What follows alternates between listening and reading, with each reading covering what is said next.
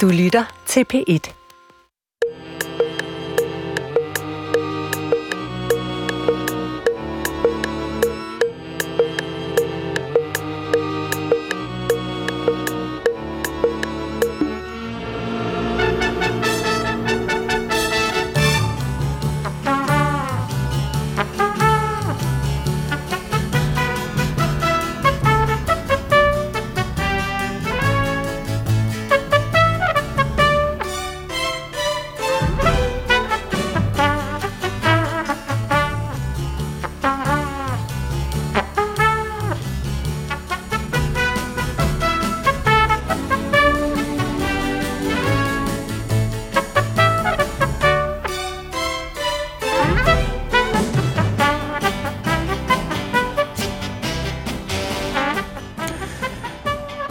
Goddag, mit navn er Peter Lund Madsen, og rigtig hjertelig velkommen til Hjernekassen på P1. Og vi lagde jo ud med kendingsmelodien fra Casino Royale, og øh, det var jo et stykke musik, ja, som gjaldede ud i æderen i, i 1999, øh, og det gjorde det på DR2, øh, hvor jeg og denne series producer Morten Grøholdt, Torben Steno og mange andre mennesker havde eller øh, arbejdet med et tv-program, som hed Hjerner i Spil.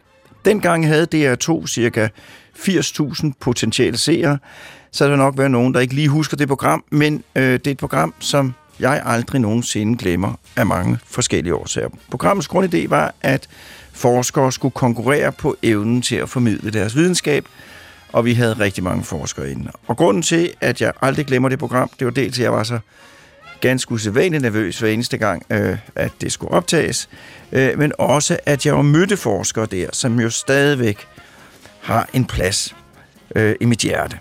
Øh, og en af de forskere, som jeg mødte i det program, øh, og det var faktisk før jeg havde mødt ham, det kommer jeg tilbage til senere, men en forsker, som sidenhen har været flittig gæst, ikke bare her i Hjernekassen på p men også under alle mulige andre omstændigheder, det er Miki Broberg Palmgren.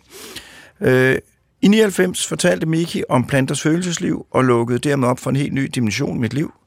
Først troede jeg, det var en vits, men øh, jeg er nu et menneske, der fuldstændig, øh, som det naturligste verden, opererer med planter som organismer med et følelsesliv, hvilket selvfølgelig har bragt forstyrrelser ind i mine madvaner, øh, i den måde, jeg tilgår øh, et måltid på. Øh, og Miki viste sig, kommer fra samme folkeskole, samme gymnasium. Vi har en geografisk fælles fortid. Og nu sidder Miki her igen, og i dag, der skal det handle om planter. Øh, og øh, det vi har i dag, det, det hedder en åben tilgang. Øh, og det vil sige, at vi er nogenlunde afklaret om, hvor vi starter, og at programmet fra start skal have en retning, selvom vi ikke rigtig er klar over hvilken. Og det er med denne denne, denne plan og erklæring, øh, jeg lægger ud her i øh, Hjernekassen med at sige velkommen til Miki Broberg Palmgren, professor i plantefysiologi, Institut for Plante- og Miljøvidenskab på Københavns Universitet. Rigtig hjertelig velkommen til Miki, velkommen til lytterne, velkommen til Hjernekassen på P1. Mange tak, Peter. Til Hjernekassen på P1 med Peter Lund Madsen. Velkommen, Miki. Og øh, vi har jo aftalt nogle spørgsmål. Det første spørgsmål, vi har aftalt, det kommer nu. Vil du ikke godt fortælle lidt om dig selv? ja. Jeg hedder Michael Broberg Palmgren, det bliver kaldt. Miki, så længe jeg kan huske. Jeg kan faktisk jeg aldrig reagere slet ikke på navnet Michael. Så. Og øh, jeg er professor i plantefysiologi, som du sagde, på Københavns Universitet. Og til daglig så forsker og underviser jeg i planters liv og levned. Og i min forskning så arbejder vi lige på at få fremavlet nye afgrøder for et bæredygtigt jordbrug i fremtiden.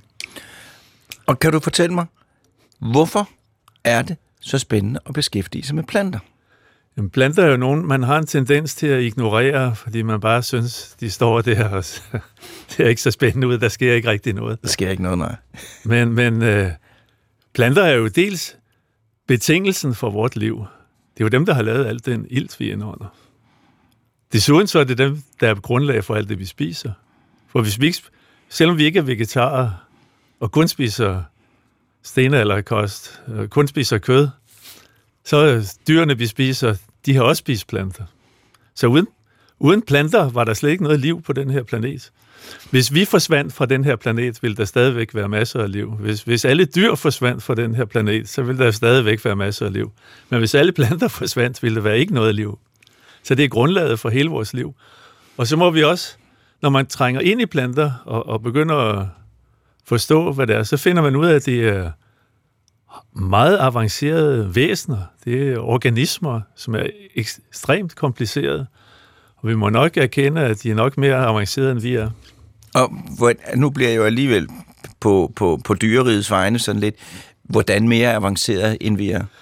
Jo, men hvis man sådan biologisk skal definere nogen i forhold til nogle andre, så, må man, så definerer man planter positivt og, og dyr negativt, forstået på den måde, at planter har noget, som vi ikke har, men vi har ikke rigtig noget, som planter ikke har. Så planter vil i teorien kunne blive til dyr, hvis, hvis, hvis, nichen, hvis nichen åbnede sig. Altså, der er jo konkurrence i naturen, så planter vil lige nu ikke kunne konkurrere med dyr. Nu tænker jeg for eksempel at gå en, forestiller os, en plante begynder at spise andre planter og gå rundt og gøre det. det, det vil, en plante vil have svært ved at konkurrere med en ko eller en hjort med det.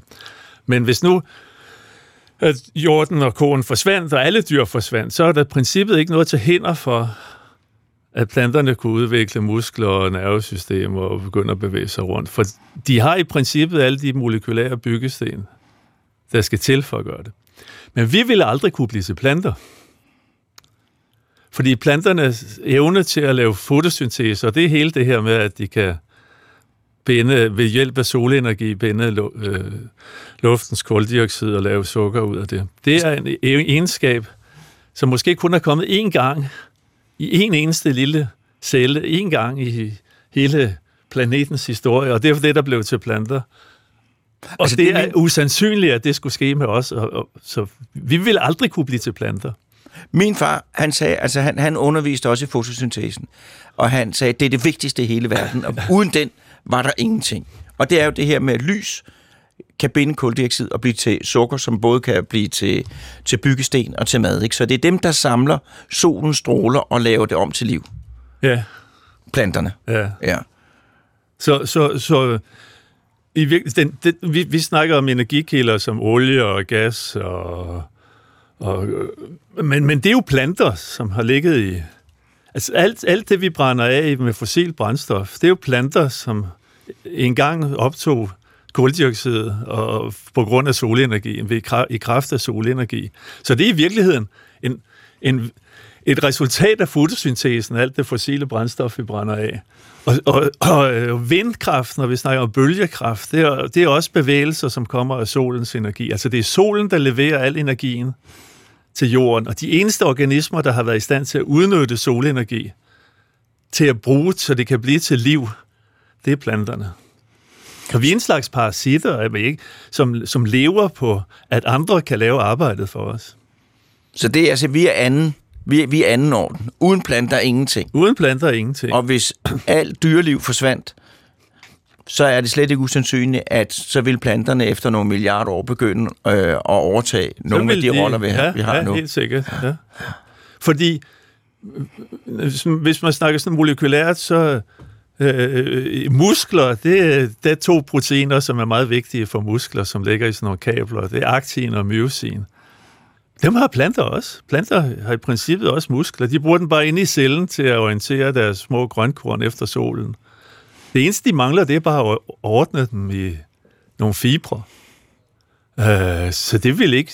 Så der er ikke noget nyt, der skulle opfindes. Det skulle bare en anden struktur. Og vores nervesystem, det, det er meget... Øh, de, de, det elektriske strømme, der sker i vores nervesystem, det er strømme af ioner, som går gennem kanaler, øh, som planter også har de samme proteiner. Øh. Så det vil de også kunne. De, vil, de har selv et nervesystem. Planter har allerede et nervesystem. Men de kunne modificere det til, at det blev som vores, hvis, hvis, hvis de fik tid til det. Men nu har de deres egen niche, de behøver det ikke. De gider bare ikke. De gider ikke, altså. Ja. De har tid, de har, de har travlt Men jeg skal, altså, der var en ting, som vi sad og talte om, inden vi startede, fordi at øh, jeg var jo jeg var, jeg var ulvung, det har jeg jo fortalt før, øh, og øh, når man er ulvunge, så så kan man gøre karriere med at blive bandassistent og, og bandeleder. Det, det lykkedes aldrig for mig, så jeg gik den alternative karrierevej øh, i uleverdenen, at jeg samlede på dulighedstegn. Øh, og der var et dulighedstegn dengang, der hed husordonans, hvor man kunne lære at stoppe en strømpe og en masse andre ting. Øh, og så var der et, jeg tror det hed naturkender. Og der skulle man kende 10 forskellige træer på bladene. Og det har været mig til en utrolig stor glæde senere i tilværelsen. Fordi hver gang jeg var gå en tur, så kan jeg se noget, som jeg ikke kunne se før. Hvorfor er det så, hvorfor, hvorfor bliver jeg så glad af at bare kende 10 forskellige træer? Fordi så kan du se dem. Fordi det er, det er et tab, et dannelse. Du, det, det er i virkeligheden en form for dannelse, du fik gennem dit spejderliv der. Fordi det at kunne kende nogle træer, nogle planter omkring sig, det, det, det er ligesom at kende nogle ansigter, det er ligesom at kende nogle personer, eller at kende øh, øh nogle dyr. Og det, det giver dem et navn, det gør, at man får et forhold til dem. Så øh, mm det er noget, der er forsvundet enormt, fordi det har man jo ikke længere i folkeskolen og i gymnasiet, og ikke engang på universitetet. Jeg, man kan blive uddannet biolog i dag, uden at have et eneste plantekendskabskursus. Uh, og det, det er et, et, et, et dannelsestab, som er med til, at vi ikke forhold, at vores forhold til naturen forsvinder simpelthen. Øh, det er lidt i stil med, at når vi går i, i supermarkedet og, og i køledisken og tager sådan nogle plastindpakkede kødstykker i, i, i Netto, så er det svært at have et forhold til, at det er et, et dyr, at det har gået en gang og levet og har offret sit liv for, konsum, for, kund, for os som kunder. Men det samme, når man ikke kan se, når man ikke kan se planterne, hvis man ikke har et navn på planterne, kan man heller ikke se dem, så findes de ikke i vores bevidsthed. Det det er noget, som filosofer har snakket meget om. Uh, ikke bare med planter. Det er en, en filosof, filosofen Ludwig Wittgenstein, han, han, han har øh, der er et kendt citat fra ham. Øh, min, min, min, min tyske dannelse er nok ikke så god, så jeg kan sige det udtalt så fint, men de Grenzen meiner Sprache bedeuten die Grenzen meiner Welt som betyder, at grænsen for mit sprog er grænsen for min verden. Det betyder, at hvis vi ikke har et ord for et e, eller ikke har et ord for en bøg, så har vi kun et ord for træ. Så kan vi se, at det er et træ. Hvis vi ikke har et ord for en, en, en, en, en blå blomst, så er det en blå blomst.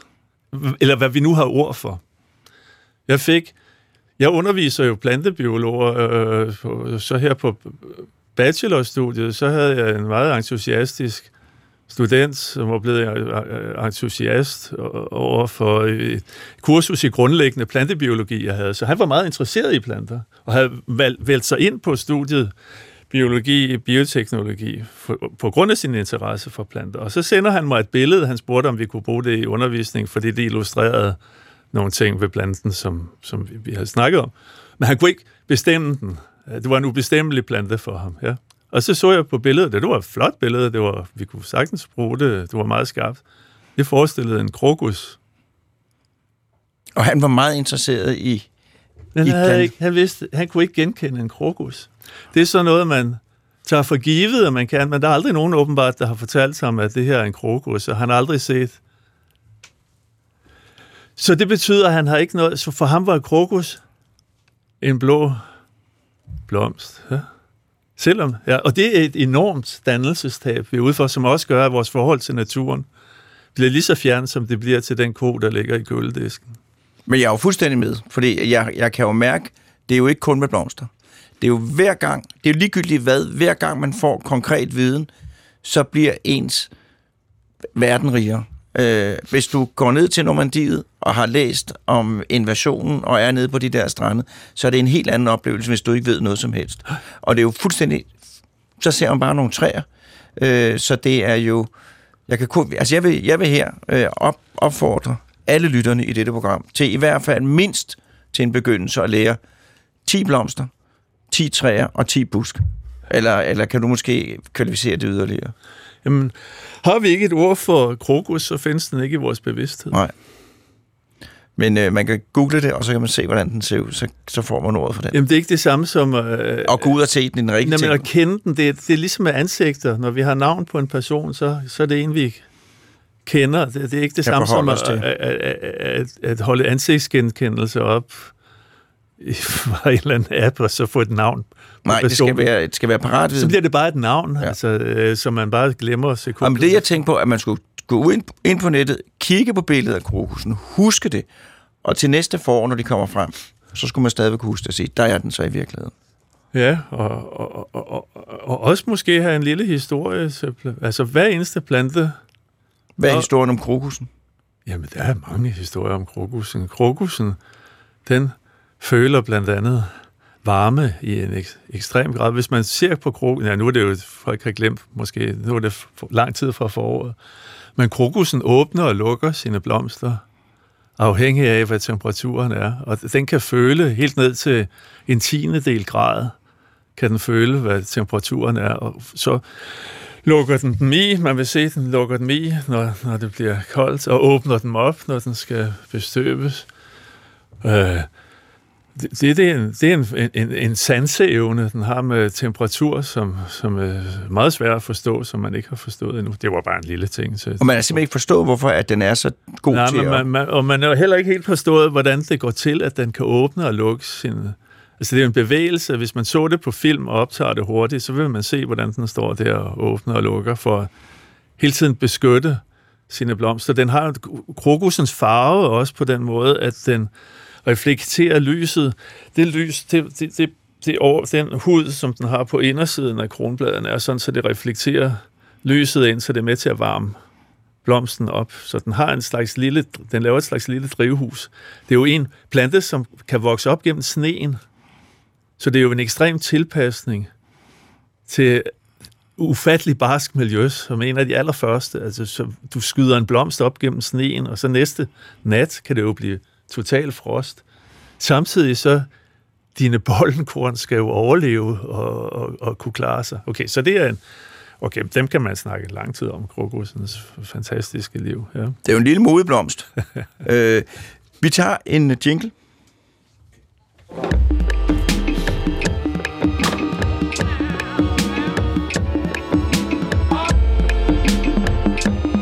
Lytter til Hjernekassen på P1 med Peter Lund Madsen. Så var det jo første gang, vi mødtes. Planters følelsesliv, det handlede om. Øh, og øh, er, det, er det en smart overskrift, eller er det en konkret øh, virkelighed? Har planter et følelsesliv? Det, er jo, det er jo, hvordan vi definerer følelser. Altså, der er jo en... Der er jo en øh, mange tror, at planter ikke kan sanse noget som helst. At de bare står sådan ornamentale vækster, som ikke kan sanse noget som helst. Men planter har jo et ekstremt veludviklet sanseapparat. Øh, de, de har faktisk, de, faktisk kan de sanse betydeligt mere, end vi kan. Altså deres receptorer eller modtageapparater for lys og kemikalier og for næringsstoffer og for alt, hvad de har brug for, det er mere avanceret end vores. Men hvordan de så bearbejder det ind i sig, altså hvordan en plante, om den bliver bange, når man tykker. Altså når, hvis, man, hvis man river i et blad, klipper en plante over, hvis man laver en buket af planter, altså det, at man skærer i den, det, det registreres med det samme, og det, hvis man nu, nu skal man ud og plukke en, en buket her, og så river den af, så hele planten, det, der går et signal fra det, du har revet den af, til hele planten. Øh, et, et elektrisk signal, som går ud, så hele planten ved nu, at der er sket et overgreb på den. Og, og den lever videre. Folk tror, at grøntsagerne i køleskabet og, og øh, i buketten, man køber, at de, at de er døde planter, men de er jo levende stadigvæk, fordi det er fordi, de er decentralt organiseret, så de har ikke samme med vores centralnervesystem. Så, så hvordan man kobler det sammen, at de kan sanse og sende sansesignaler videre, til hvordan de så registrerer det, når de ikke har et centralnervesystem, som vi har. Det er svært at vide, men, og det, får, det finder vi måske aldrig ud af. Men det er jo det samme som med mange insekter for eksempel, som jo også kan sanse og reagere på det. Så man kan med lige så stor ret fantasere om, at planter har følelser, som er for eksempel et bjørnedyr eller andre insekter har følelser. For de har igen, de har i hvert fald muligheden for at modtage og behandle information. De modtager information, de behandler information, og de reagerer på informationen, der modtages. Ja. Så hvad sker der med, altså hvis nu øh, jeg går ned og køber en tomat, nej, jeg går ud i haven og plukker en tomat og lægger den ind i køleskabet. Hvad sker der så inde i den tomat? Tomaten er jo en frugt, som, som nok ikke er det mest sansende del af tomaten, fordi at en, en frugt er beregnet, det er et bær, tomaten er et bær, så det er beregnet på at spise. Det er en del af planten, som den sådan set gerne... Den har gjort sig spi- appetitlig, for at vi skal spise den. Det er meningen, at vi skal ikke tygge dens frø. Alle de små kerner inde i tomaten, det er små... Det er frø, det er små fostre, som skal blive til nye tomater, og som skal helst skal gå, gå uskadt igennem vores fordøjelsessystem, og så skal de komme ud i en klat et eller andet sted i naturen. Det er formålet med det hele, og så bliver de spredt på den måde. Så, så, så bæret i sig selv er lavet for, at vi skal spise, spise det. Ja, men et blad, øh, det er jo ikke meningen, at vi skal spise det. Så vi... et spinatblad, øh, det er jo spædt lille spinatblad, det er jo... Altså spise sådan et... Et blad laver jo fotosyntese i det øjeblik, vi stopper det ind i munden. Altså, det, det, det arbejder jo i håb om at føre slægten videre ja. i det øjeblik, vi stopper det ind i munden. Ja. Det gør blæret ikke. Ja. Hvad med, altså du siger, at planterne bevæger sig så langsomt, så vi, vi kan jo ikke se, vi kan jo ikke se, øh, øh, hvad de gør. Hvad, hvis nu, at vi, vores hjerner var i stand til at opfatte langsomme bevægelser, hvad var det så, vi ville se? Jamen, så vil vi se, at, at de bevæger sig. Og hvad gør de?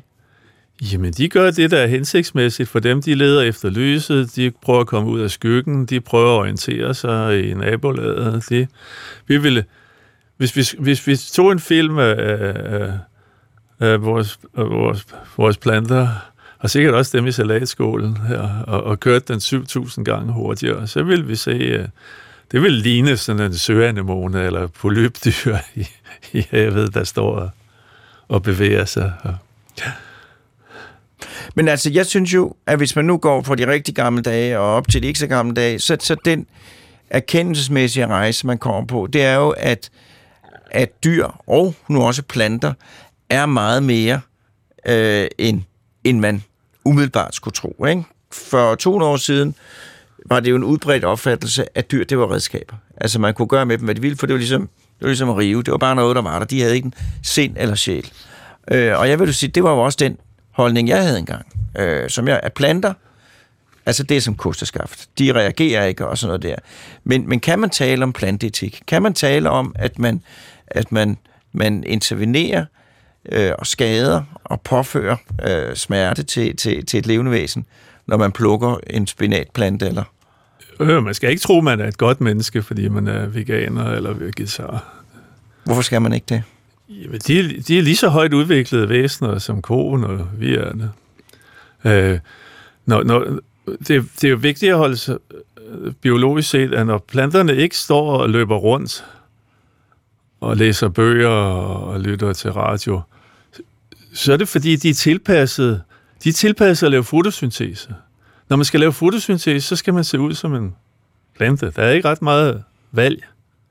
Øh, man skal have en meget stor overflade for at kunne opfange solens energi. Der er ikke øh, energi nok i, i, i solen til, at man... Øh, det er begrænset, hvor meget man får ud af det, og man skal få næringsstoffer fra jorden, så skal man være forankret i jorden, så står man der med rødderne dybt ned i jorden og man bliver en, hvis vi skulle, lad os nu sige, at vi kunne blive til planter, vi fik de her grønkorn ind i os. Vi bliver videreuddannet. Vi bliver videreuddannet, nu bliver vi til planter. Nu skal vi leve af planter.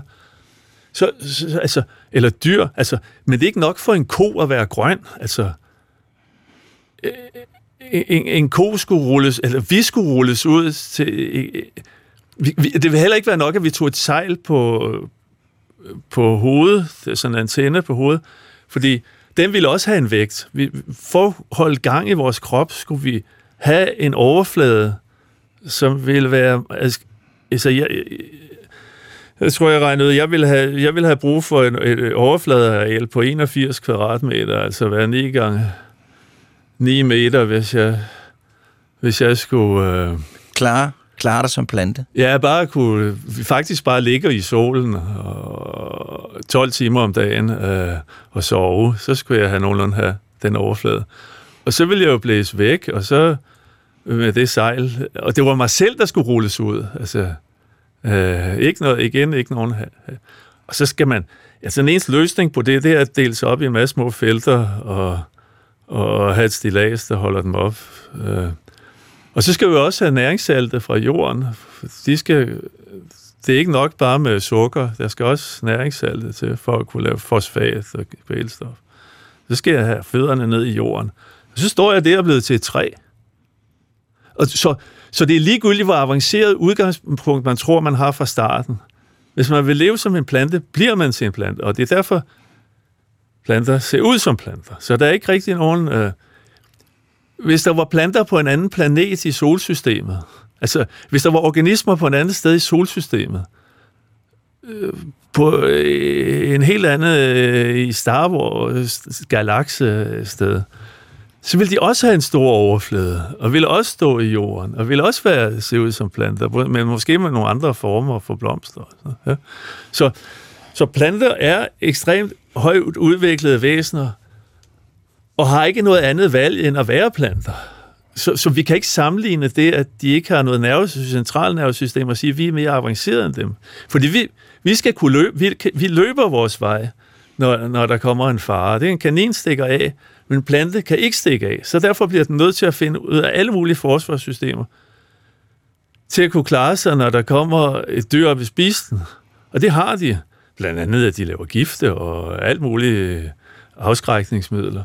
Øh, og, og, og, og det er nogle systemer, som er ekstremt komplicerede, men, men, men er systemer, som er bygget til, at de er blandt De kan ikke stikke af. Men det betyder ikke, at de er mindre avancerede, end vi er. Ja? Så man kan ikke, man kan ikke sige, at, at en, en, en ko er det synd at spise, men en plante kan være fint at spise. Øh, Øh, øh, fordi vi ved ikke, hvordan planten er lige så avanceret et væsen som koen.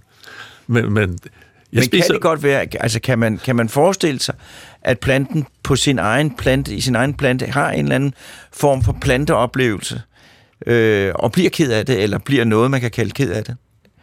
Eller kan man afvise det? Sige, det kan simpelthen ikke lade sig gøre. Og nu når jeg siger ked af det, så er det jo vores bredeste forstand, ikke? Fordi... At...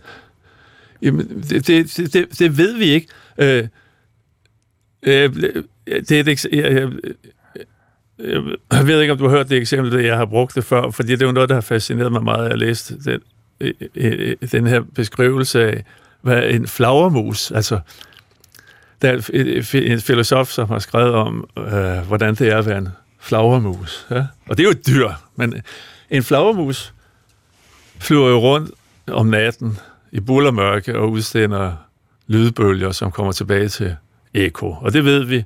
Og så forskningsmæssigt ved vi alt om, hvordan den registrerer verden ved hjælp af eko. Men den flyver rundt mellem grene og blade og fanger myg og insekter. Og, og så lyder spørgsmålet, hvad foregår der egentlig inde i flagermusens hoved? Altså, vi kan sagtens beskrive, hvad det er, der gør, at den kan flyve rundt. Det er eko. Men er der et billede? Har den et billede? Altså, ligesom når vi ser, vi, vi registrerer lys, med nogle receptorer, der registrerer lys, og så får vi et billede i vores hjerne. Men har flagermusen et ser den med sine ører? Altså har den et billede i sin hjerne, som gør, at den ser? Altså det er et dyr. Det er avanceret dyr. Og det, der lyder det filosofiske argument, at det kan vi nok aldrig nogensinde forstå. Altså uanset hvor meget vi lærer om receptorer og nerves, og du er jo egentlig, du kan må kunne give mig ret med hjernen. Altså uanset, du er hjerneforsker, så, men uanset, hvor meget vi forstår om nervebanerne, kan vi leve os ind i, hvordan flagermusen ser den myggen. Flakser den rundt der med sine vinger, når, når den ser den. Det, det, så det er det samme som at spørge, når en plante når jeg river et blad af, så kan jeg måle biokemisk og, og, og med elektroder, at der går elektriske signaler rundt i planten, og jeg kan måle, at der sker reaktioner, og jeg kan måle, at den reagerer på det, at den begynder at lave forsvars, at den tolker det som et angreb, og begynder at lave forsvarsstoffer. Ja, vi har jo, det vil jeg lige sige, øh, Morgen og jeg arbejder på en stor tv-serie, der kommer om lang tid, og øh, der har vi jo været inde og lave optagelser inde hos Miki, og har nogle meget dramatiske øh, optagelser, øh, hvor du, og jeg ved ikke, om det er kontroversielt at gøre opmærksom på det, men det er jo sådan, at du med en lighter varmer et blad på en mimose op, og den går jo fuldstændig amok. Altså, den krømmer sig jo fuldstændig sammen. Hele planten. Det er, en, det, det er plantepanik, hvis man kigger på det udefra. Er det ikke rigtigt? Jo, jo, ja.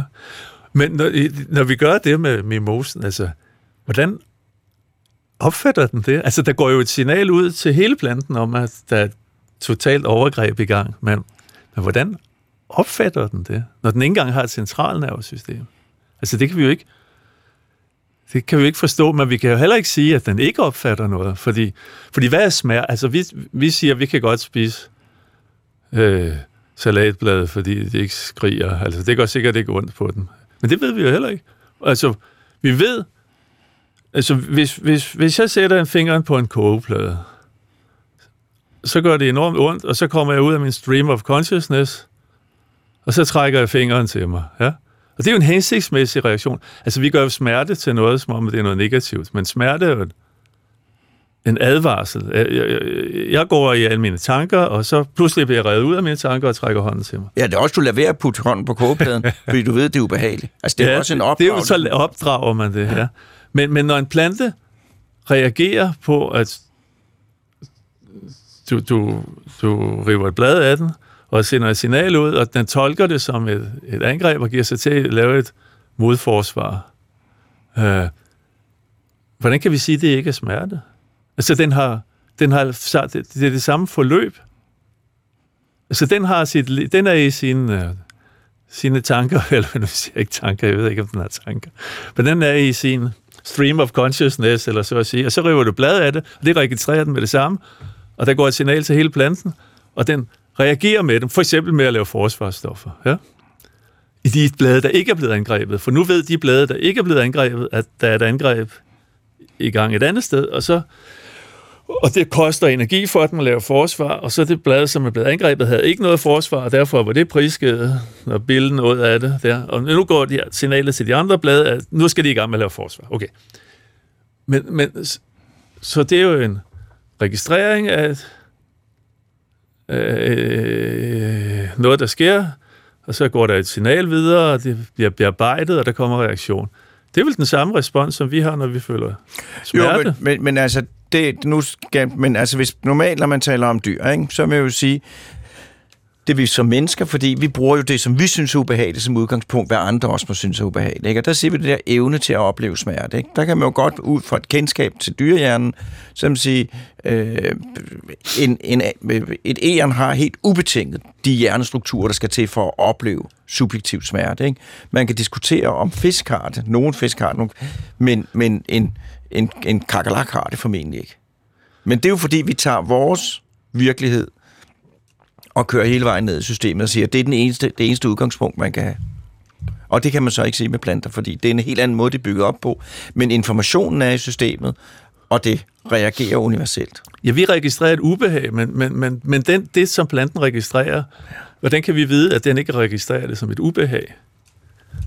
Det vi ved slet ikke, ikke, hvordan en plante opfatter tingene. Nej. Og det ved vi ikke, fordi du er jo som hjerneekspert, så er det jo inde i et centralnervesystem, ja. hvor vi har noget centralt, som bearbejder al information. Og det er fordi, vi er centralt, vi har, ja, hele vores, det at vi har et centralnervesystem, betyder, at der er en kommandocentral, og så kører, følger det resten. Men planter er decentralt opbygget. Det vil sige, at hver blad er en autonom enhed.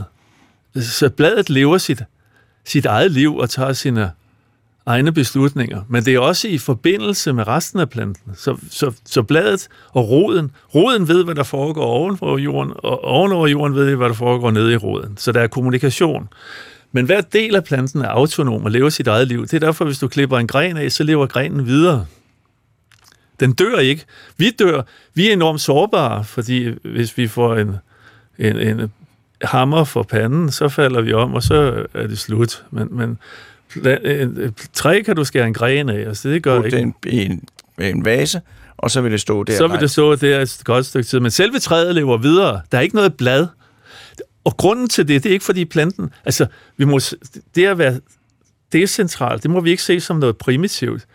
Det er en betingelse for at kunne være plantet, når du står der med rødderne i jorden, og ikke kan løbe din vej. Så må du kunne tåle, at der bliver tykket af dig. Ja. Hvis, du ikke kan, hvis der var et blad, der var centralnerven af systemet, som var hjernen, så var du for sårbar. Så det kan det ikke være. Og, men vi kender jo selv fra vores øh, egne liv, at, at decentrale organisationer, altså vi, vi har i vores eget liv, så har vi jo centrale organisationer, som kun fungerer, hvis der er en central styring. Det kender vi jo med stater. Der kan være stater, som er, kun fungerer, hvis der er en central styring. Men så er der jo decentrale organisationer, som fungerer glimrende uden en central styring, fordi de, og de ved godt, hvad der foregår i de andre enheder, men de kan godt selv altså, øh, køre. Der kan man jo tage nogle af vores kendte terrororganisationer. De kan klare sig selv, men de ved godt, hvad der foregår de andre steder. Dem kan du bombe og bombe. Ja. Der er ikke noget central styring, som de kollapser af, hvis, øh, hvis, hvis, hvis du fjerner det, men de klarer sig glimrende og kan knopskyde og formere sig. Så man skal ikke sige, at en decentral organisation er, er, er uhensigtsmæssig eller primitiv. Det, det er afhængigt af tilpasningen for, for en for islamisk stat er det sikkert godt at have en decentral organisation for at kunne klare alle angreb. Så, så fuldstændig bogstaveligt, man må sige om planter, man må komme med den erkendelse om planter, som man kom omkring dyr for mange år siden, at det er ikke bare øh, døde, eller det er ikke bare dødlignende øh, remedier, det er levende organismer, der reagerer på omverdenen, og som, øh, som har en, behandler en stor mængde information, og hvad der konkret foregår inde i de organismer, det kan vi ikke sige noget om. Det er væsener, som højt udviklede væsener. Og vi kan jo bare tage det, altså en ting, som, som hjerne, det er måske hjerneforskere ikke har kaperet endnu, men i det hele taget øh, menneske læge, øh, mediciner ikke helt har kaperet endnu, det er, vores, hvor mange gener vi har. Altså, hvor mange gener man har. Generne det er jo ens arvemateriale. Ja, generne er jo en del af vores DNA, som hver gen koder for et protein, som er med til at bestemme, hvem vi er. Det er jo det, det, er jo det der går i arv, når vi får børn, så viderebringer vi vores arvemateriale. Og det er også arvemateriale, der bestemmer, hvordan børnene ser ud. Ja? Og øh, øh, øh, et, antallet af gener siger noget om, hvor kompliceret en organisme man er. Så, så den, en, en, en coronavirus har 14 gener, som godt nok kan blive til flere proteiner. Det er ikke så mange, men den er også en lille parasit, som lever på os. Vi har lige lidt under 20.000 gener. Man troede engang, at vi ville have millioner af gener.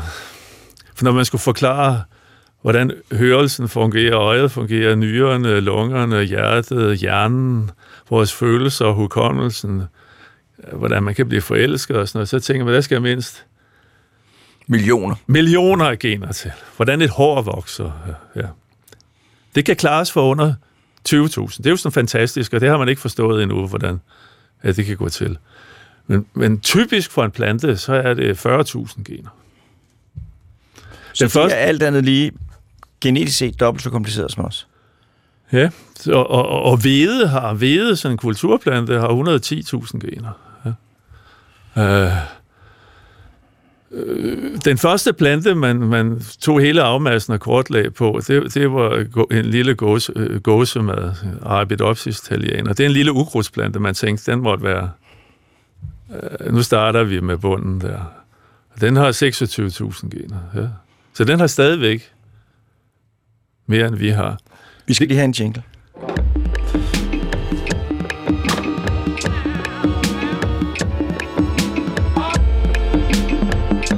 Du lytter til Hjernekassen på P1 med Peter Lund Madsen. Hjernekassen på P1 handler i dag om planter. Gæsten er Miki Bruberg Palmgren, som jo er professor i planter. Og vi taget og talt om gåsemad, som har 24.000 gener. 26, 27. 26-27.000 gener. Og som jo dermed også er mere, er kompliceret end os mennesker. Ja, Øh, vi har fået to lytterspørgsmål, eller vi har fået nogle lytterspørgsmål, øh, og dem vil, jeg jo, dem vil jeg jo gerne lige læse op. Øh, og det første, det lyder således, der er jo også planter helt uden klorofyl. Og dermed evnen til fotosyntese. Har vi sådanne planter i Danmark? ja men man har planter, som er parasitter, som lever på andre planter. Lige, lige uden for mit institut, så har vi en vedbengyvelkvæler, som lever på vedben. Så vi, og den, er faktisk, den var faktisk ny for Danmark. Den er meget sjælden i Danmark, så vi er faktisk den er fredet i Danmark, så vi er heldige, at vi har den voksne her. Men den har ikke, den har ikke grønkorn. Øh, så kan man spørge sig selv, om det er en plante, men den har haft grønkorn. Dens forfædre har haft grønkorn. Men øh, så den smidt dem væk. Og, og, og det er jo lige så snart, man kan se chancen til det. Det er ligesom os selv. Vi har ikke grønkorn, fordi vi lever på andre planter. Eller indirekte også, hvis vi, Vi har fået dem til at gøre arbejde for vi os. gør det for dem til at gøre arbejde for sig. Så vi er ikke heldige. øh, Planterne er ikke heldige forstået på den måde, at hvis planterne, hvis en plante kan se et snit til at leve på andre planter, så gør den det også. Øh, så så, så øh, gyvelkvæleren for eksempel, den, den kan sanse, at der er vedben i nærheden. Kun vedben. Det er kun vedben, den, den trænger ind i. Så vedbens udsender nogle kemikalier, når den står der og vokser i jorden, som, som frøene kan lugte, og så lige så snart de mærker lugten af en vedbøn, så giver de sig til at spire og søge hen mod vedbønnen. Så frøene lugter ved bænden, så siger de, ja. Ja. nu spiger vi. Og så kører de. Ja, øh, de vil aldrig spire. De vil aldrig spire, hvis ikke de kan lugte en vedbøn. Så ligger de og venter på, at der kommer en vedbænd forbi. Ja. Er der planter, du har, du har det dårligt med at spise, ud fra sådan en, en etisk øh, betragtning? Eller spiser du planter, som er sådan? Jeg spiser planter, jeg spiser også kød. Det eneste, jeg siger, er, at man skal ikke føle sig heldig, fordi man... Øh, vi, altså, vi skal jo spise. Øh, vi har jo ikke noget valg. Vi er nogen... Vi har ikke grønkorn. Vi kan ikke leve af, af solens lys, så vi har ligesom ikke noget valg. Øh, Men man kan jo sige, at det er planterne, der er de reneste organismer. de, øh, De står op hver morgen og laver føde til hele jorden. ja, Uselvisk. Ikke? Så, slå, så slås det måske lidt indbyrdes, men det er, jo, øh, det, er jo, det er jo ganske få kødædende planter, der findes. Det er jo i den grad en trafik, der går en vej. så det er planterne, der er grundlaget for det hele. Ja. Så man kan men måske i hvert fald, hvis man kommer ud i noget bevagt, sige tak og undskyld. Ja, men, men det med de, de, de, de planter, som ikke har grønkorn, det er jo et godt eksempel på, at, at planter kan godt miste deres grønkorn. Altså, men vi kan ikke få grønkorn. Der er, der er faktisk nogle dyr, som har forsøgt, altså som forsøger at få grønkorn. Der er for eksempel en snegl i Kattegat, der hedder grøn fløjlsnegl, Elysia virides. Den kan raspe alger, grønne alger, og suge grønkornene ud af dem, og så kan den, uden at fordøje dem, tage den glide ind i sine egne celler, så bliver den faktisk grøn. Og den er helt flad. Den ligner sådan et blad, for den har stor overflade, så den kan som en strategi klare sig med lidt sollys. Så det er et dyr, der kan, hvor har prøvet at gå den anden vej. Men det kan ikke give det videre til sine børn. Men den går simpelthen ud og snupper nogle grønkorn op Ja, øh, og, og, og, og laver fotosyntese. ja. Så, men, så kan den ligge stille i, i solen og, og have det som alternativ. Få lidt tilskud der, men den kan ikke give det videre. Den kan ikke, når den, når den vokser op, bliver den, den bliver nødt til hele tiden selv at tage det ind. Ja. Den har ikke de gener, der skal til. Nej, den kan ikke selv gøre det, Nej. og den kan ikke give det videre til sit afkom. Ja. Fordi de gener simpelthen ikke findes i det, i det rige, i dyreriget. Grønkorn er i virkeligheden øh, en bakterie, som engang kom ind i en plante, øh, så vi kalder den en cyanobakterie. Det er jo bakterierne, der opfandt at lave fotosyntese. Det er ikke planterne, der opfandt fotosyntesen. Hvad var det, der skete? Jamen, vi må forestille os en aller, aller tidligste, en urcelle, som ikke var en bakterie, men som var den første form for det liv, vi har. Den fik en bakterie ind i sig, og det, det, den første bakterie, man fik ind i sig, som man levede med, det er den bakterie, som kan lave sukker om til det brændstof, vi bruger i vores celler. Og det er det, der bliver til, i vores celler hedder mitokondrier. Det er noget, vi kalder endosymbiose, at man kan leve. Man er ikke blevet spist, Man får en organisme ind i sig, som ikke bliver nedbrudt, men som lever videre. Den får, det har man en fordel af, og det har den, må den anden organisme også have. Det, der så er sket, det er, at det på en eller anden måde gået ind i arvesystemet, så det går videre til næste generation. Og den celle har været stamfar til både planter og dyr. En aflægger af den celle fik grønkorn i sig, som var cyanobakterier. Og en anden fik ikke. Så den, der ikke fik cyanobakterier ind i sig, det var det, der blev til dyr. Og den, der fik grønkorn ind i sig, ved et mirakel, som skete måske bare én gang, den blev til planter. Og cyanobakterier, det var nogle bakterier, der kunne omdanne CO2 og lys til sukker. Ja, for vi snakker om CO2-krise, fordi der er 0,04 procent CO2 i atmosfæren, men, men i jordens barndom, der har der måske været 50 procent eller mere CO2 i atmosfæren, og 0 procent ilt. Så lige nu er der 21 procent ilt i atmosfæren, og 0,04 procent CO2. Og en stor grund til det, det er, at planterne, starten med de første cyanobakterier, tog al CO2'en og lavede om til organisk materiale, eller lavede om til liv, som blev til dyr. Og så kører det her kredsløb videre, planterne laver ilt, og vi udånder CO2, som planterne straks tager til sig igen. Ja. Så det var, men det første, det startede med, det var blandt cyanobakterierne. Så som og, planterne fik, som det, der blev til planter, fik ind i sig. Ja. Og de her cyanobakterier, de ændrede fuldstændig øh, kemien i atmosfæren, livsbetingelserne på jorden. Der var fyldt med CO2. Det blev brugt og blev til grønt materiale, og til gengæld så blev der så skabt en hel masse ild. Det gik fra nærmest 0 til 21 procent. Så det er skabt af liv. Så de her cyanobakterier, sammenlignet med mennesker eller alle mulige andre organismer, har været meget mere dramatisk i deres øh, forurening eller deres ændring af livets vilkår. De lavede en af de første katastrofer på jorden, fordi liv er, øh, øh, der er meget, det, det første liv var anaerobisk. Det brugte ikke ilt. Det levede i de her groteske forhold, som var dengang, der ikke var ilt. De kunne leve af andre former for... De kunne leve af kemikalier, metan og, og gasser og sådan noget. Men, men en stor del af dem, de uddøde, da der kom ilt i atmosfæren, fordi ilt er noget, der reagerer kraftigt, så brænder op. De brændte princippet op. Det var en af de første masseudryttelser af liv på jorden. Det var, da cyanobakterierne fik gang i fotosyntesen. Og så flygter cyanobakterierne ind i træernes blade. så kom de ind i...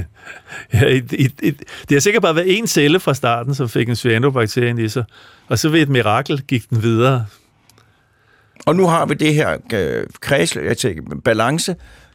Planterne bruger CO2 og laver ilt. Dyrene bruger ilt og danner CO2. Ja, og så er det ikke engang, fordi planterne igen er mere komplicerede, end vi er, for planterne har stadigvæk mitokondrierne. Så, så rødderne nede i jorden lever af sukker, som de får fra, fra bladene. Ja? Og når de bruger deres sukker, for at komme sukker ned, så laver de det om til brændstof, cellebrændstof, ATP, adenosin, trifosfat. Det gør det ved hjælp af mitokondrier, som vi også har. Så planterne har også forstofskift. Planterne bruger også ilt, rødderne, og bladene bruger også ilt om natten. Altså, blade og rødder bruger ilt, og forbrænder sukker og udskiller CO2. Men så tager de om dagen, så tager, via grønkornene, tager de CO2 ind, og med sollys laver det om til sukker. Så de, de har begge dele. Så det er ikke sådan, at planterne fik cyanobakterier, og vi fik mitokondrier. Planterne har begge dele. Godt høre, du holder lidt med dem. hvis, man, øh, hvis man nu skulle sige, altså der, det, er, der, er der nogle planter, der, der, der er rigtig kompliceret, hvis du skulle sige, ikke en yndlingsplant, eller et eller andet, det her, det er virkelig et eksempel på, hvor avanceret det kan blive. Jamen, det, det er svært at sige, fordi de er i princippet lige kompliceret alle sammen. Nu har nu sådan nogle som fluefanger og mimose, de er jo, de er jo kendte, fordi vi kan vi, vi synes, de kan bevæge sig, eller de spiser kød, så synes vi, de minder om os. Vi har en tendens til at tro, at alt, hvad der minder om os... Det er avanceret. Det er avanceret. Og det er, slut, det er slutmålet. Men, men, men den mindste lille ukrudt, vi går og tramper på på vores vej, og som vi ikke kan se, fordi vi ikke har ord for det, bare ser ukrudt, det er jo i virkeligheden en masse små organismer, som lever der mellem fliserne, og er ekstremt avanceret og tilpasset det liv, som findes mellem fliserne. Så de er lige så avancerede som mimosen og fluefangeren. Men Mie, nu her til næsten sidst. Hvis nu, at... Øh, altså, jeg, jeg vil bare sige, det, det du har talt for og demonstreret, det er jo noget, som jeg... Altså, det er et synspunkt, jeg elsker, det er det der. Jo mere du ved om verden omkring dig, jo rigere bliver verden. Og hver gang jeg har sat mig ned og lært planter, dyr, det du sidder og fortæller med cyanobakterien, hvordan livet det udvikler sig, så får jeg et rigere liv. Og så ser jeg mere, og jeg oplever mere. Hvis nu, øh, at Morten og jeg skulle til at stramme lidt op med de der planter, hvad vil du så give som et godt råd? Hvad, hvad skulle jeg gøre konkret for at blive i stand til at se nogle flere planter? Du kunne begynde med, nu snakkede jeg om ukrudtet på din vej. Der er, der er et helt økosystem inde i vores by, som er specielle, som er planter, som vi ikke ser til daglig, som vi ikke har navn for, men som er ekstremt kompliceret. Hvis du bare får navn på 10 af dem, så vil du se dem hver dag. Du behøver ikke bare navn på fem af dem, to af dem. Vejpileurt. Prøv at lære dig, hvordan den ser ud. Polygonum aviculare, så vil du se den hver dag. Den kan lige at blive trampet på. Det er en af de planter, der tåler slid, at man går over den. Den vokser mellem fliser, og så sender den, så kryber den hen over fliserne for at hælde sine frø ned i sprækkerne på en, en anden flise. Den tåler alt. Den, dens frø, de overvintrer, øh, de er i dvale, når de rasler ud fra den. Så ligger de i dvale, for de skal igennem en vinterperiode, før de kan spire. Men så vil de kun spire igen, hvis der er lys. Så hvis der til næste forår ikke er lys, fordi der er kommet noget øh, smuds hen over dem, så vil de ikke spire. Så går de ind i en anden dvale tilstand, selvom de har været igennem vinteren. Og der vil de ligge i overvis, år efter år, indtil man krasser i jorden og prøver at fjerne ukrudt. Og så kommer de frem. De, øh, de er tilpasset til, at vi prøver at fjerne dem som ukrudt og, og, og, vokse mellem vores sten. Det synes jeg er fantastisk. Så hvis du bare kan lære vejpileurt at kende, så er det skønt at se den. Og hvornår kommer vejpileurten? Den er lige nu mellem den... alle fliser, ja. Jeg lover næste gang, vi ses, og det håber jeg bliver snart, øh, så, øh, så ser jeg og har set vejpilurt. Ikke? Og det er, jeg, jeg mener, der er en dyb, dyb, dyb visdom i livet om lige netop det der råd. Gå ud og se vejpilurten. Miki, tusind tak, fordi du ville komme. Det var en stor fornøjelse. Øh, og øh, jeg vil også sige tak til producer Morten Krøholt, øh, som jo har siddet ved knapperne stoisk øh, og, og fået det hele til at ske. Næste gang, der skal det handle om, om den måde, vi mennesker nogle gange indretter os på, skal handle om mobning. Øh, og øh, det er det. Men indtil da, der er det jo en rig tid og en rig mulighed for at træne sig i at se. Og vi ser jo ikke kun med vores øjne, vi ser også med vores hjerne og vores viden. Og jeg vil simpelthen, jeg vil simpelthen som, som jeg, jeg, vil, jeg vil opfordre alle hjernekassens lyttere til at lære vejpilurt. Øh, og øh, om det så skulle blive hjernekassens eneste aftryk, at der var 100.000 mennesker i Danmark, der kunne være pilot, så vil jeg være stolt. Og med det så vil jeg sige på genhør om en uge.